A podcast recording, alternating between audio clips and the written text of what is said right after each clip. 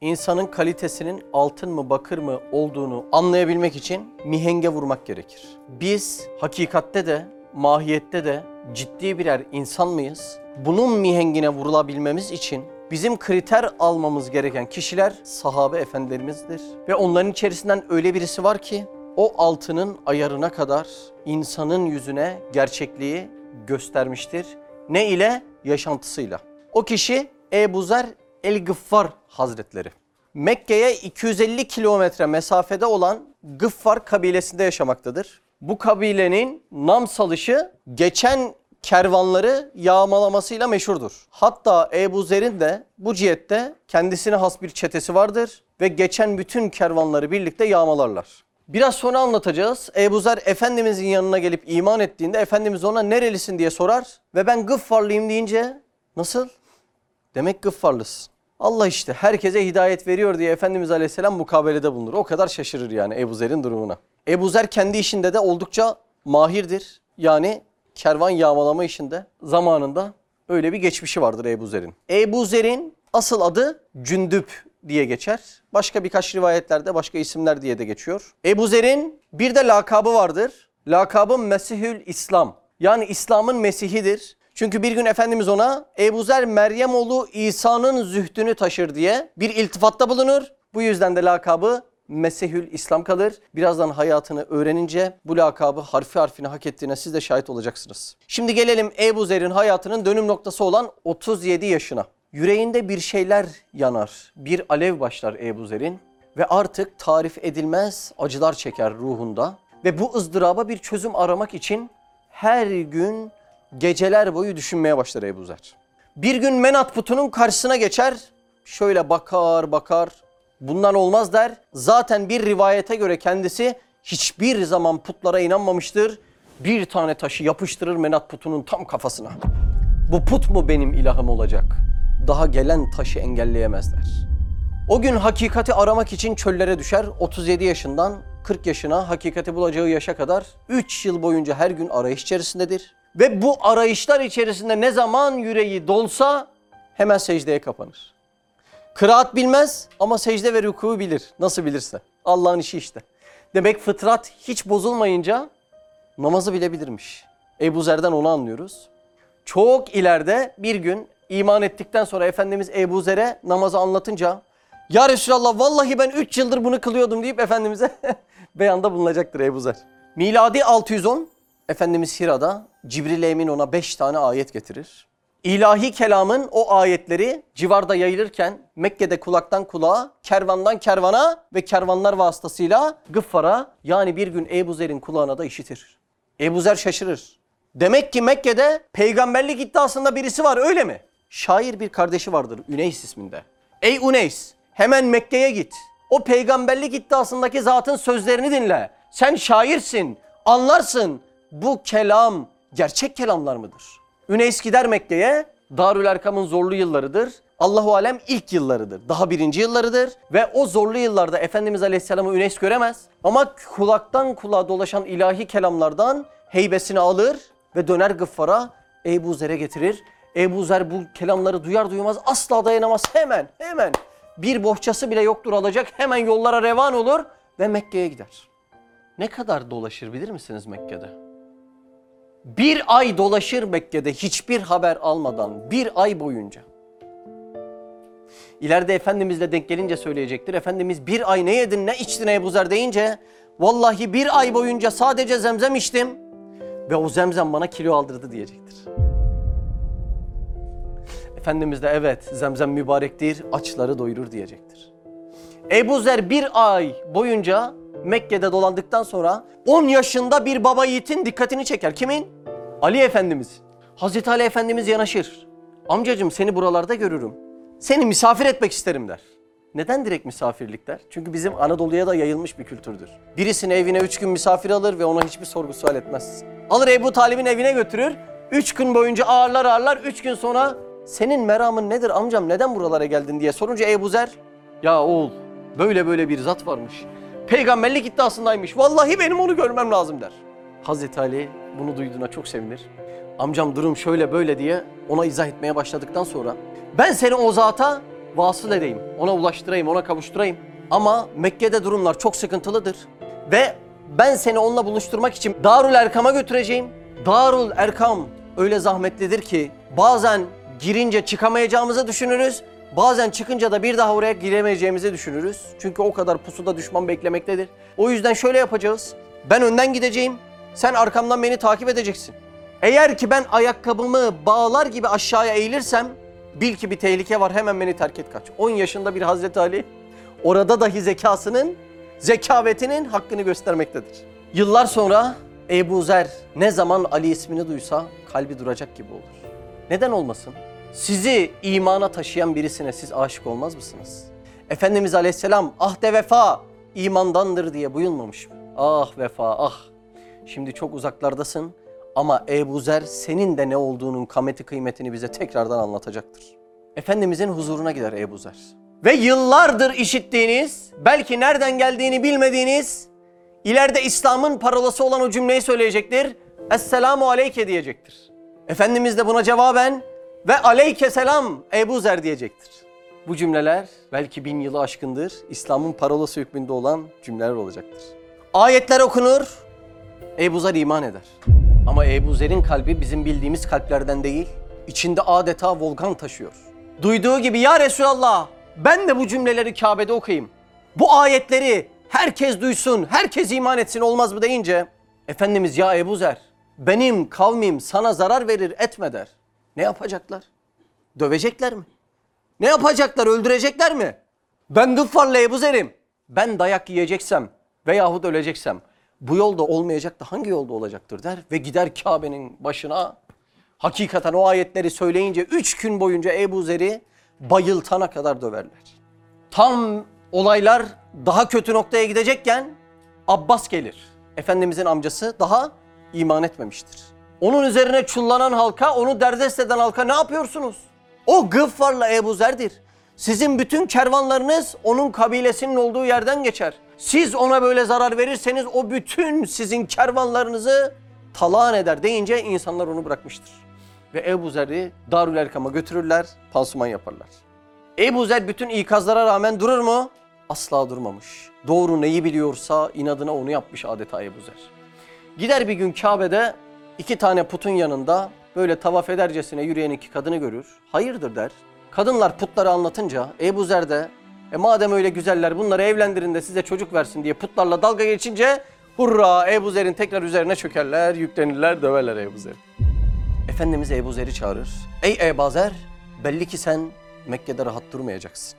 Ve şu belli ki şu an zaman meydanlarda haykırma zamanı değil, değil.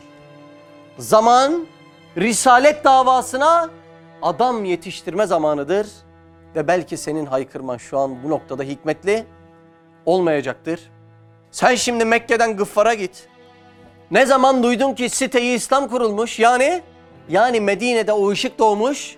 İşte o zaman dön tekrar gel diye Ebu Zer'i oradan yollayacaktır. İşte işin koptuğu yerler tam burası. Bizim idrakımızın anlamayacağı yerler.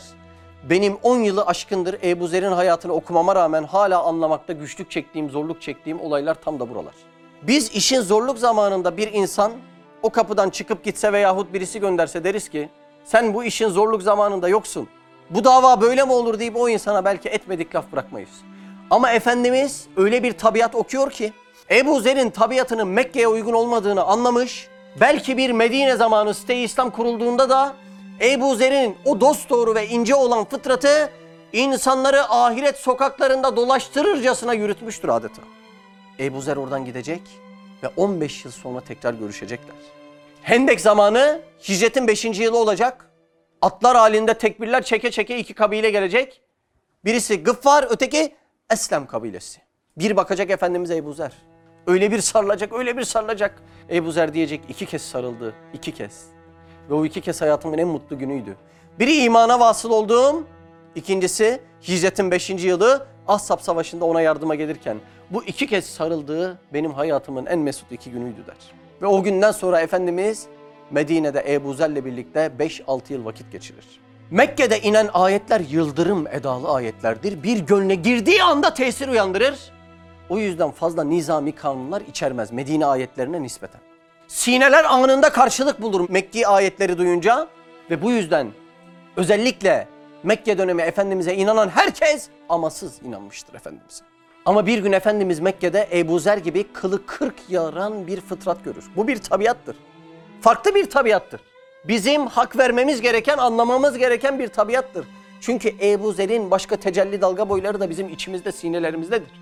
Ebu Zer'e bakar ki tam bir hakperest, tam bir dava adamı. Çok doğru, çok titiz, çok hassas bir gönlü var Ebu Zer'in. Ebu Zer'in Mekke'de üç gün boyunca yaptıkları hakka aykırışı kendi fıtratına göre doğrudur. Ama o zamanın şartlarına göre bir doğru olmamıştır. O yüzden Efendimiz Ebu Zer'i yollamıştır.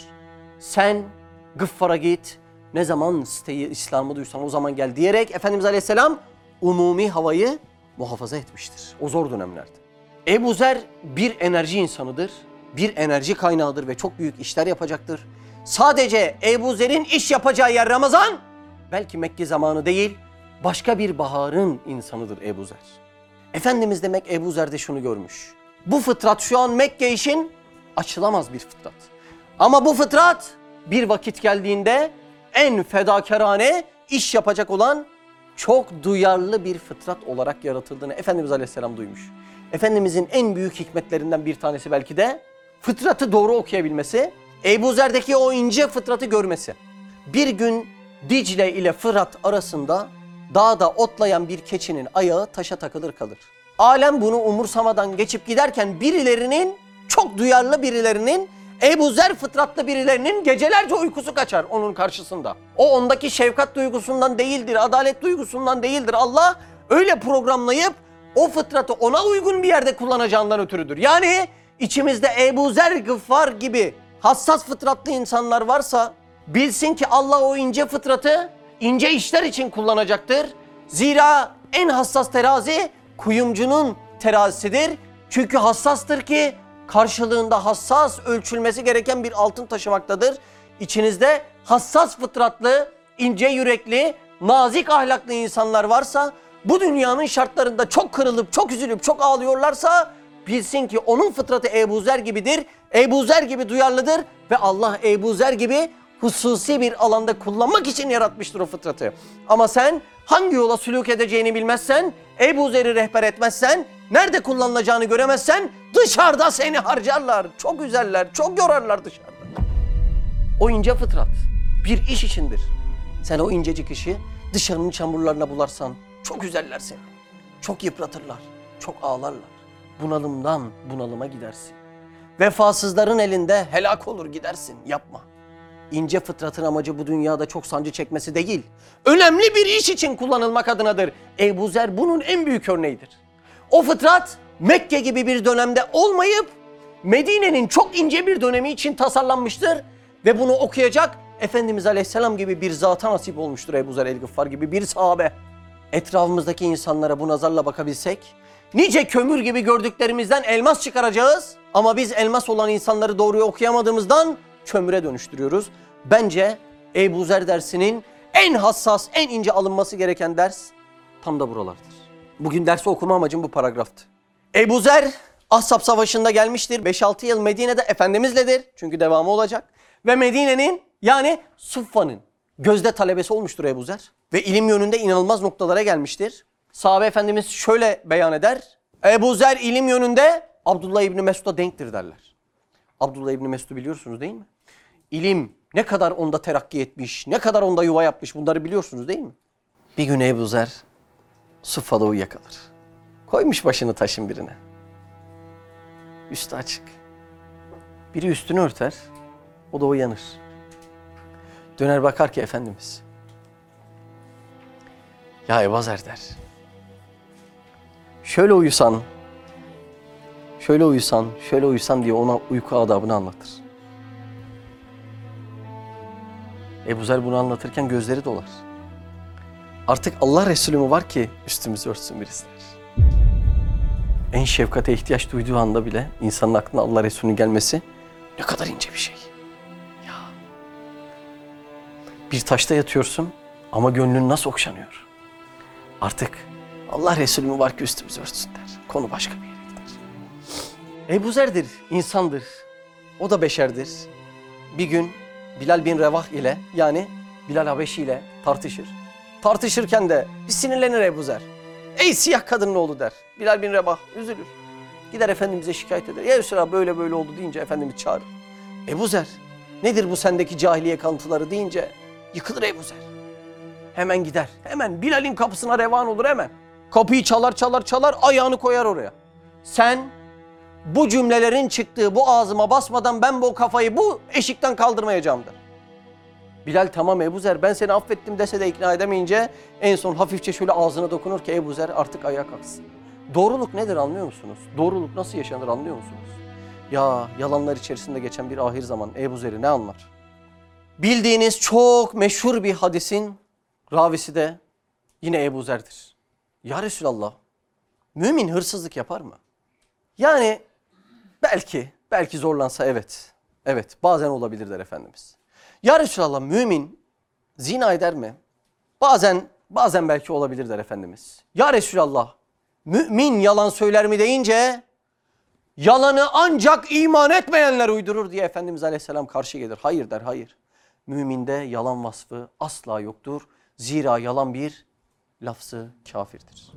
Biraz sonra Ebu Zer'in Şam'da vali Muaviye veyahut muhtelif yerlerdeki valilere karşı nasıl bir dik duruşta olduğunu okuyacağız. Neden olduğunu acaba bu hadis size anlatabildi mi? Ebu Zer bu hadisleri hayatında sağ sola anlatayım diye dinlememiş.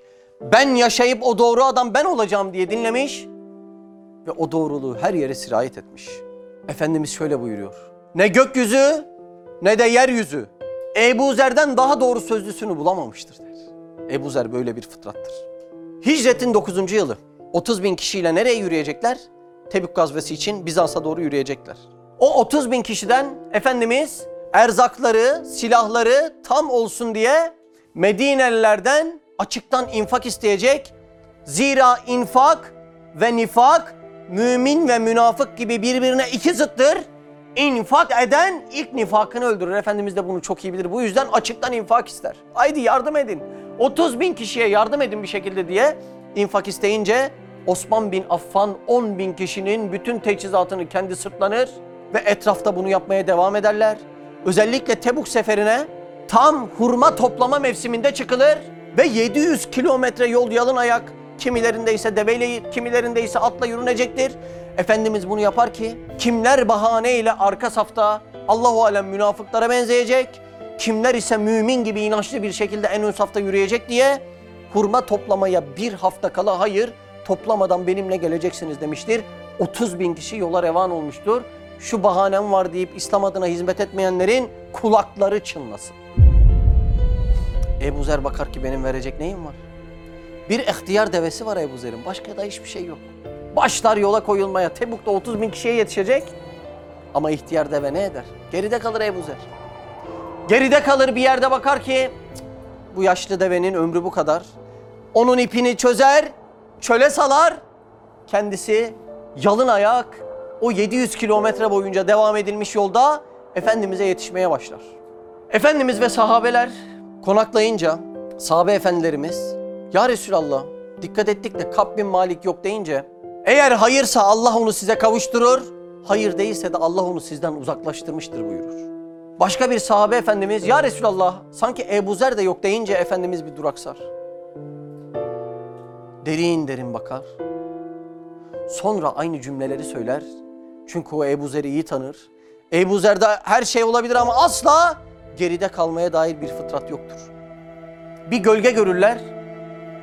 Efendimiz bakar ki o gelen Ebu Zer'dir. Nasıl bir sevinç, nasıl bir mutluluk onu da siz düşünün. Ebu Zer'in yaşını merak eden yok mu? Yalın ayak yürüdüğünde 65 yaşında. 30 yaşında koltuğundan kalkamayanların kulakları çınlasın. 50 yaşında yayladan bir ev alıp sanki cennetten bahçe alırmışçasına İslam'a hizmet etmeyenlerin kulakları çınlasın. Ebu Zer bugün çok kulak çınlatacak. Kulağı olanlar iyi dinlesin. Efendimiz o gölgeyi ve Ebu Zer'i tek başına yürürken görünce tarihe altın harflerle yazılmış, zümrüt elmasla kazınmış, hepinizin ezbere bildiği şu hadisi söyleyecek. O gelen Ebu Zer'dir. Ve Ebu Zer tek yaşar, tek ölür, Tek başına dirilip haşrolur diyecektir. Ebu Zer budur, tektir o. Neden tektir? Çünkü Ebu Zer hassas bir gönül olmakla birlikte bize yalnızlığın da dersini vermektedir. Olmuyor mu? Hayatta yalnız kaldığınız olmuyor mu?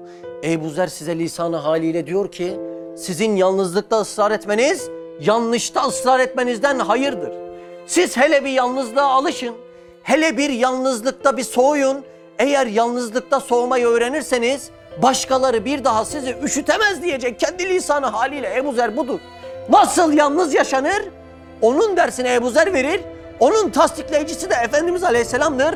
Ebu Zer o. O gölge Ebu Zer'in. Zira Ebu Zer tek yaşar, tek ölür, tek dirilir der. Ebu Zer odur. Birazdan vefatını okuyunca bu hadisin nasıl isabet ettiğine de hepiniz hayret edeceksiniz. Hayret. Ebu Zer'in Tebük için ciddi bir bahanesi vardı. Yaşlı bir devesi vardı. Çıplak ayakları vardı. Kilometrelerce yol yürümesi gereken 65 yaşında bir bedeni vardı. Neden yürüdü? Birileri yokluğu ileride bahane etmesin diye yürüdü. Birileri benim vallahi böyle bir meselem yoktur, birileri böyle bir imkanım yoktur diye bahane etmesin diye bu şekilde yürüdü. Ebu Zer lisanı haliyle şunun dersini verdi. İman varsa imkan da vardır. Ebu Zer imanın göstergesi. Bahaneler sığınanların kulakları çınlasın. Bugün çok kulak çınlayacak. Abi işim var edemiyorum diyenlerin kulakları çınlayacak bugün.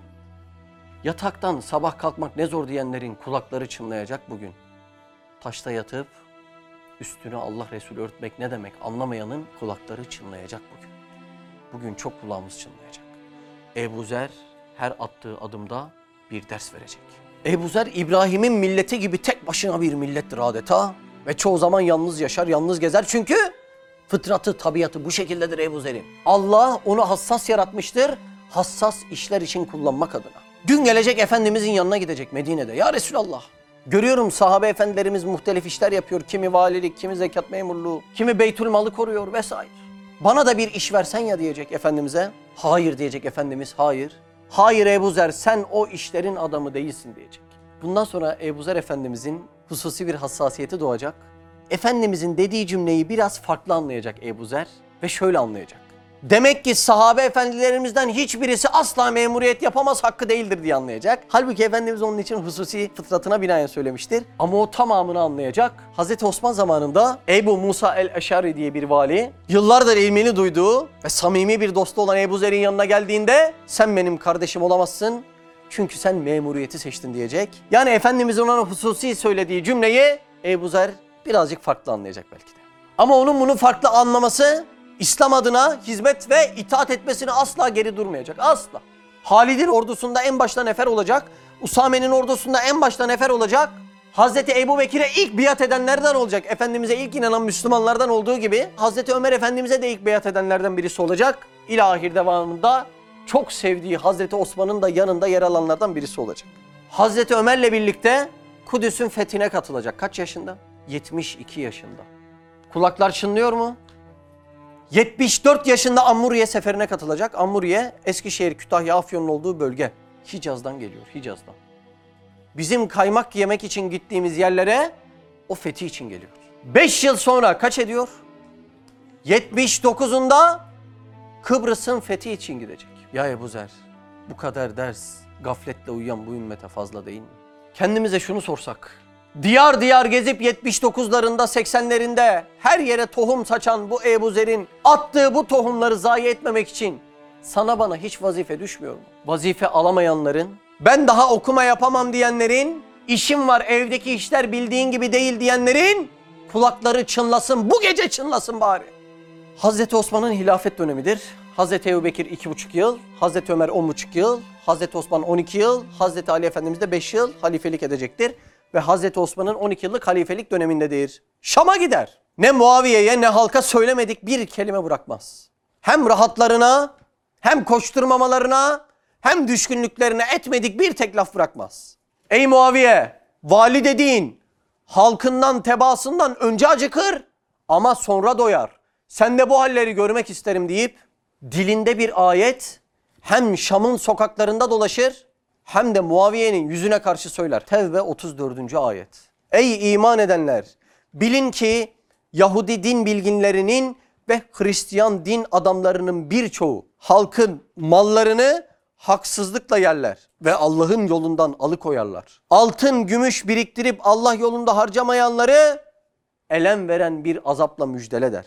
Bu ayet o dönem Ebu Zer'in ayeti diye meşhur olur Şam sokaklarında. Halbuki ayetin iniş sebebi bu değildir. Tebük seferinden ya önce ya sonra inmiştir bu ayet. Ve zekatı verilmemiş mallar için söylendiğini Hazreti Ömer Sevban'la birlikte giderek Efendimiz'den öğrenirler. Ama Ebu Zer'in tabiatıdır bu. Ebu Zer bu ayeti kendince farklı yorumlamaktadır. Bir kanaatte bulunur. O da Ebu Zer'dir. Bir gün Muaviye ey Ebu Zer bak bu ayet bizim için değil filan kesler için inmiştir deyince ey Muaviye Kur'an'da hangi yazan vardır da bir Müslümana ders vermesin? Sen ne diyorsun deyip ayetin devamını da okur. O gün bunlar cehennem ateşinde kızdırılıp onların alınları, böğürleri ve sırtları dağlanacak. Altın ve gümüşlerden bahsediyor. İşte yalnız kendinin için toplayıp sakladıklarınız tadın şimdi biriktirip sakladıklarınızı diye ayetin dehşetini okur. Bir gün cuma namazı sonrası Muaviye tam hutbe verecekken elini kaldırır. Bu cemaatin içinde açları doyurmadıkça sen de orada konuşamazsın Muaviye deyip haykırır Ebu Zer. Suffa'nın gözde talebesi. Bir gün Muaviye hele bir deneyeyim diye Ebu Zer'e 300 dinar gönderir. Ebu Zer önce tereddüt eder. Bu 300 dinarı alayım mı almayayım mı? Sonra der ki yahu almasam onlar farklı yerlere belki kullanır. Ben alayım da ihtiyacı olanlara dağıtayım der. Bu eliyle aldığı gibi bu eliyle 300 dinarı dağıtır. Muaviye ertesi gün bir elçi daha yollar. Bu 300 dinarı yanlışlıkla yollamışız. Onu geri istiyoruz deyince ben onları dağıttım der. Amacı şudur. Ey Ebu Zer sen bir dirhemi biriktirene laf ederken bak bu 300 dirhem sende nasıl duruyor diyecekken Ebu Zer de durmaz ki o 300 dirhem. Gözü bile görmeden ki gönüller kaymasın diye eline geleni hemen ihtiyacı olanlara dağıtır Ebu Zer. Muaviye artık baş edemeyince Hazreti Osman'a mektup yazar. Ya Osman böyle böyle sen Ebu Zer'i Medine'ye çağırman lazım. Zira Şam'da herkes Ebu Zer'in etrafında toplanmıştır ve ben artık baş edemiyorum deyince Hazreti Osman Beni Ümeyye'den Mervan bin Hakem. Onun eşliğiyle bir mektup yazar. Ebu Zer'i Medine'ye çağırtır. Ebu Zer ile Hazreti Osman birbirlerini çok severler. Hatta bir gün Ebu Zer'i dudakları mırıldanıp görüp nedir diye sorulunca ben Osman'a dua ederim der. O kadar muhabbet içerisindedirler. Hazreti Osman Ebu Zer'i karşısına alınca ey Ebu Zer sen Şam'da helal olan şeyleri haram olarak gösteriyormuşsun deyince Ebu Zer yıkılır. Ey Osman sen de mi beni böyle anladın? Sen beni böyle anladıysan ben kime derdim anlatayım deyince Hazreti Osman bak Ebu Zer Medine'de kal kal ama kendi başına kalacaksan kal deyince vallahi Şam'daki şeyleri burada görürsem burayı da karıştırırım der Ebu Zer. Durmaz. Allah Resulü'nden duymuş cümleleri duymaz. Bir gün Ebu Zer Hazreti Osman'la görüşmek için bir iş için meclise gelir. Bakar ki Ebu Zer'i almazlar bağırır. Halife Osman'la görüşeceğim çekilin der. Bir bakar ki içeride toplantı yapıyorlar. Toplantının ana konusu da Ebu Zer'idir. Kab el Ahbar isminde eskiden Yahudi olan, daha sonra iman eden bir alimle görüşürler ve Hazreti Osman kasten şu soruyu sorar. Ey Kap der, bir insan elindeki malın zekatını ödedikten sonra o malla istediğini yapabilir mi? Kap şöyle cevap verir Ebu Zer'le göz göze kesişerekten. Ya Osman, o kişi zekatını ödedikten sonra isterse elindekilerle altından ev yaptırır kendisine deyince Ebu Zer asasıyla vurur kafasını yarar. Hazreti Osman araya girer. Ey Kap, benim ricam için davacı olma. Çünkü davacı olsa kısas var. Sen ne dersen odur deyip müsaade eder. Davacı olmaz. Daha sonra Ebu Zer gider. İmam Ali, İmam Hasan ve İmam Hüseyin'in yanına ki Hazreti Hasan ve Hazreti Hüseyin ona amcam diye hitap eder. Ebu Zer'in Hazreti Ali'ye düşkünlüğü zaten çok ayrı bir konudur. Neden? İmanla vesile olan birine insan aşık olmaz mı? Hazreti Osman seni çağırıyor diye haber gelince anlarlar ve Hazreti Osman ondan ricacı olur. Ey Ebu Zer sen şimdi Rebeze'ye git der. Orada ganimet develerine bakılır. Sen de o vazifeyle vazifelen deyince üzülür Ebu Zer ama karşı gelmez. Gider Hazreti Ali'nin yanına, İmam Hasan, İmam Hüseyin'in yanına. Ne oldu amca derler. Osman beni hicretten sonra bir bedevi yaptı. Rebeze'ye gönderdi. Ama şu ağızdan asla Osman'a karşı bir söz çıkmaz der Ebu Zer. Hazreti Ali ona sarılır ama cümle etmez ağlamasın diye. O ağlatmamak için konuşmaz ama etraftan kim görse o hasreti hepsi ağlar. Bir gözleri olur Dicle, bir gözleri olur Fırat. Ama Ebu Zer nereye gider? Az önceki hadisin beyan ettiği kaderini yaşamaya gider. Ebu Zer tek yaşar, tek ölür, tek haşrolur. Yanında hanımı vardır, kızı vardır ve yola revan olurlar. İki yıl boyunca Rebeze'de kalırlar. Bir gün bir misafir gelir. Neden evine eşya almıyorsun ey Ebu Zer deyince ki ev denmez ona belki bir çadır ancak denebilir. Ben diğer evime eşya alıyorum der. Nasıl anlamıyorum deyince suskunluğun sonunda anlarlar. Diğer evim dediği ahiretteki cennetidir ve ben diğer evim için eşya alırken bu geçici ev nedir ki der Ebu Zer. Yatağa düşer 90 yaşındadır Ebu Zer. Hanımı Ümmü başında yokluk içerisindeler. Bitkin durumdalar. Ey Ebu Zer velev sen burada vefat etsen kim kabir kazacak? Kefeni nereden bulacağız? Ben bir yaşlı kadınım. Nasıl baş edeceğim de seni defnedeceğim deyince endişe etme der, endişe etme. Ben bir gün bir mecliste otururken Allah Resulü bize bir hadis söyledi. İçinizden birisi çölde bir başına vefat edecek, onu Müslümanlardan bir grup görecek ve salih bir adam onu defnedecek. Hiç merak etme çünkü o cemaatten herkes vefat etti, bir ben kaldım. O hadis banadır diyecek. Ölüm deşeğinde verecek nefesleri sayılı Ebu Zer'in. 14 kişi gelmişler. Kervan orada durdurmuşlar. Kapıyı çalınca kimin evi? Ebu Zer'in evi deyince. Küçük, yaşlı, piri fani bir insan gözyaşlarını tutamıyor. Kim bu insan? Bu kadar büyük bir küçük hiç görmedik hayatımızda. Abdullah İbni Mesud. Gelir oraya, bakar ki Ebu Zer el Gıffar. Çok zor durumda, bitkin durumda ve son nefesini verir. Tam hadisin rivayet ettiği gibi defnedecekler ama aklına gelir.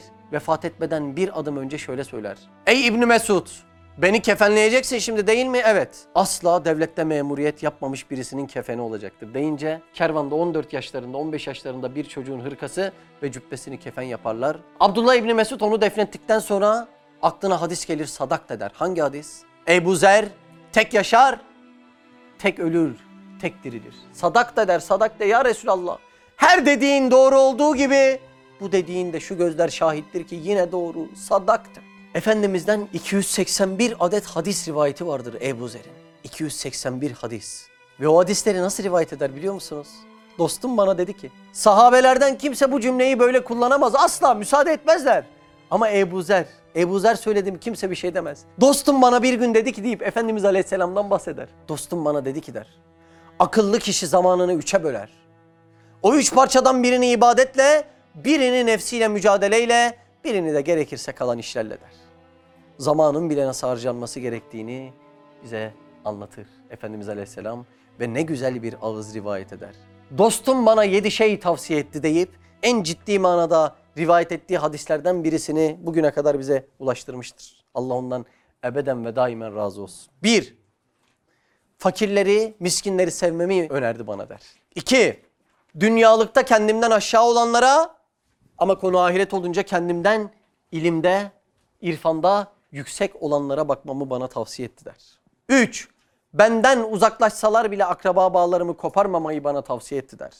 Dört, la havle ve la kuvvete illa billah sözünü sık sık zikretmemi bana söyledi der.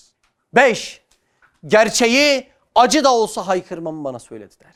Altı, Allah'a davet ve çağırma konusunda hiçbir kınayıcının kınamasından korkmamamı bana tavsiye etti der. Zira bununla ilgili ayette var mıdır? Ayette vardır. Yedi, insanlardan hiçbir şey isteme dedi bana der. Özellikle Ebu Zer'i kimler anlayamayacaktır diye konuşursak, insanlar ne der deyip düşünenler ama el alim ne der deyip düşünmeyenler Ebu Zer gibi dost doğru bir bünyeyi, hassas bir sineyi asla anlamayacaklardır. Ahir zaman kalabalıkların içerisinde kendinizi yalnız hissettiğiniz hiç olmuyor mu? Yalnızlıktan çöl gibi kuruyup çatlayan sinelerimize Ebu Zer su olmasın mı? Çünkü o Ebu Zer tek yaşar, tek ölür, tek dirilir ve onun ancak üstünü Resulullah örtebilir aleyhissalatü vesselam. Subhaneke la ilme lena illa ma allamtena inneke entel alimul hakim. Ve ahiru davana enelhamdülillahi rabbil alemin. El Fatiha ma selamet.